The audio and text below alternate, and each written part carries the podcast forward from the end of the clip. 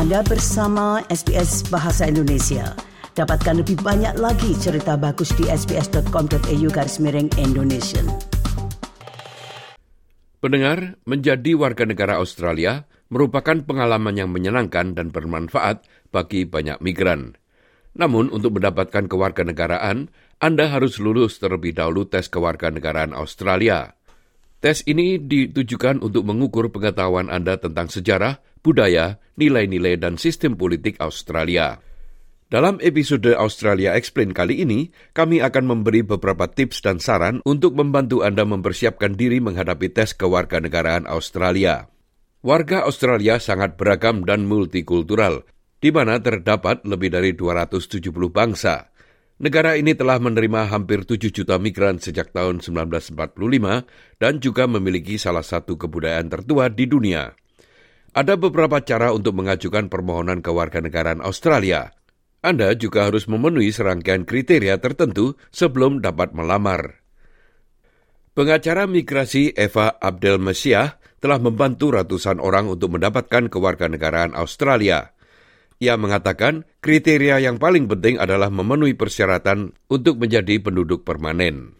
The residence requirement has specific criteria. One is that you need to be residing in Australia on any kind of visa as long as it's a lawful status for the last four years. And you should not have had absence during these four years of more than 12 months. And in particular, the last 12 months, the last year needs to be on a permanent residency, not temporary, and no absence more than 90 days within the last 12 months. Selain memenuhi persyaratan untuk menjadi penduduk permanen, permohonan kewarganegaraan Australia yang berusia di atas 18 tahun harus menunjukkan karakter baik yang didefinisikan sebagai kualitas moral yang bertahan lama. Sebagai tambahan, berencana untuk tinggal di Australia atau tetap terhubung saat berada di luar negeri, dan memiliki pengetahuan dasar bahasa Inggris serta memiliki pengetahuan tentang Australia dan makna menjadi warga negara Australia. Untuk menilai hal ini, sebagian besar para pelamar harus mengikuti tes kewarganegaraan.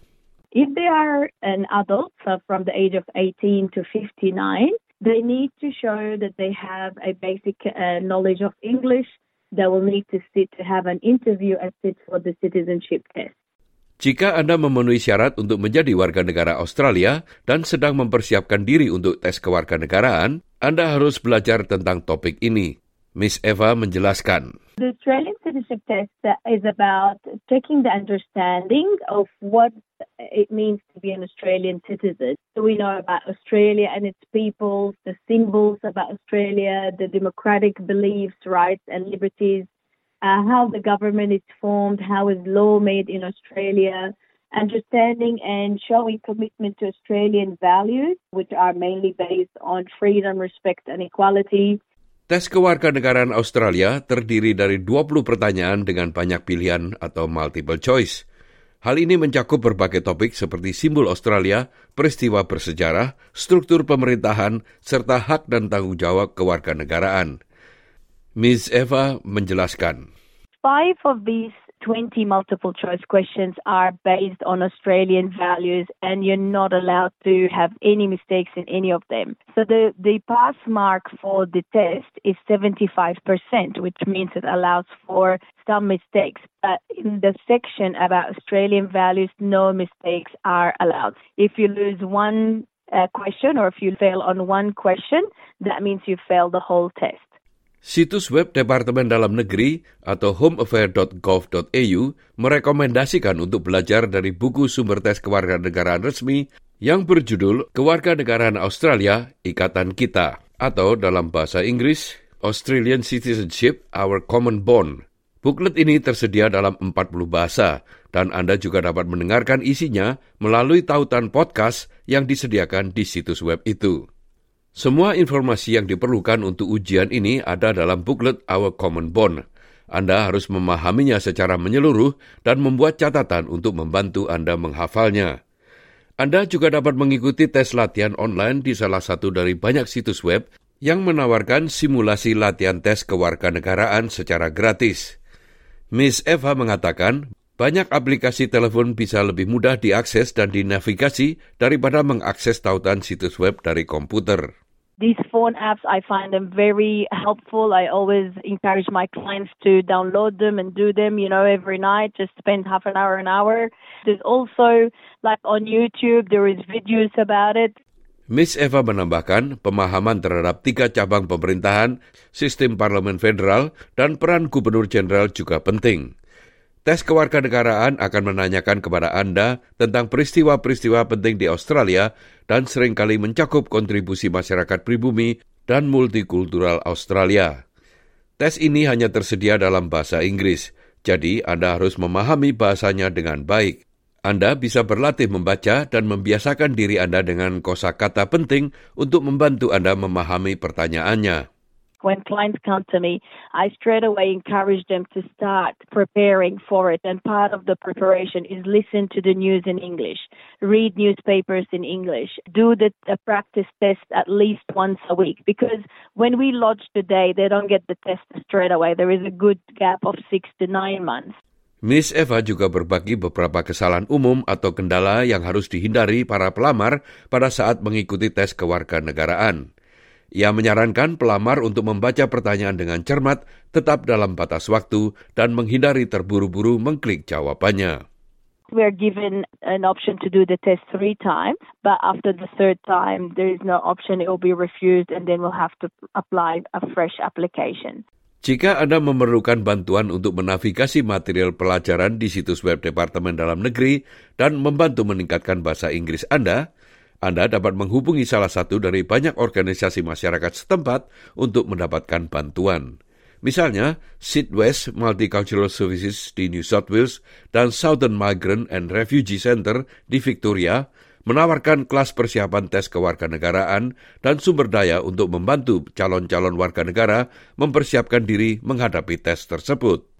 Organisasi-organisasi ini sering kali memiliki instruktur berpengalaman yang dapat memberikan bimbingan dan dukungan selama proses berlangsung. Vicky Han dari Sidwest menjelaskan bagaimana kursus mereka telah membantu banyak migran baru, pengungsi, dan penduduk tetap mempersiapkan diri untuk tes kewarganegaraan.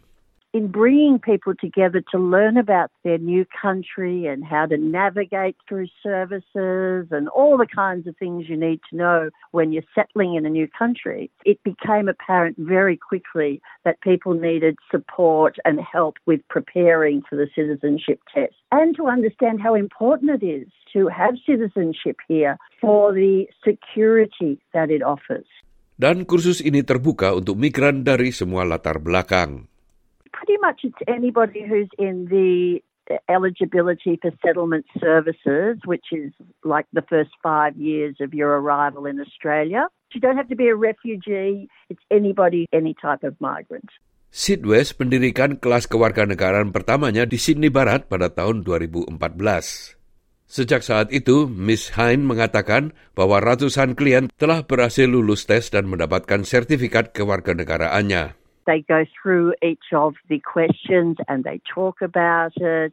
They would learn some history. We also go on social outings as groups, explain the layout of the land. You know, we might go up to Katoomba and at the same time talk about the history of Australia being opened up by explorers. It's working your way through all the questions, fully understanding them so that you fully understand what it means to participate as an Australian citizen.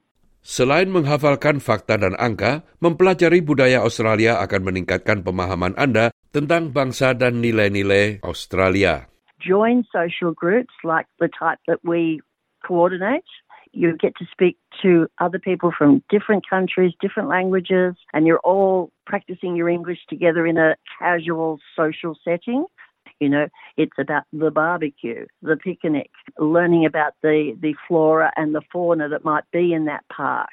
So, yeah, everything is a learning experience.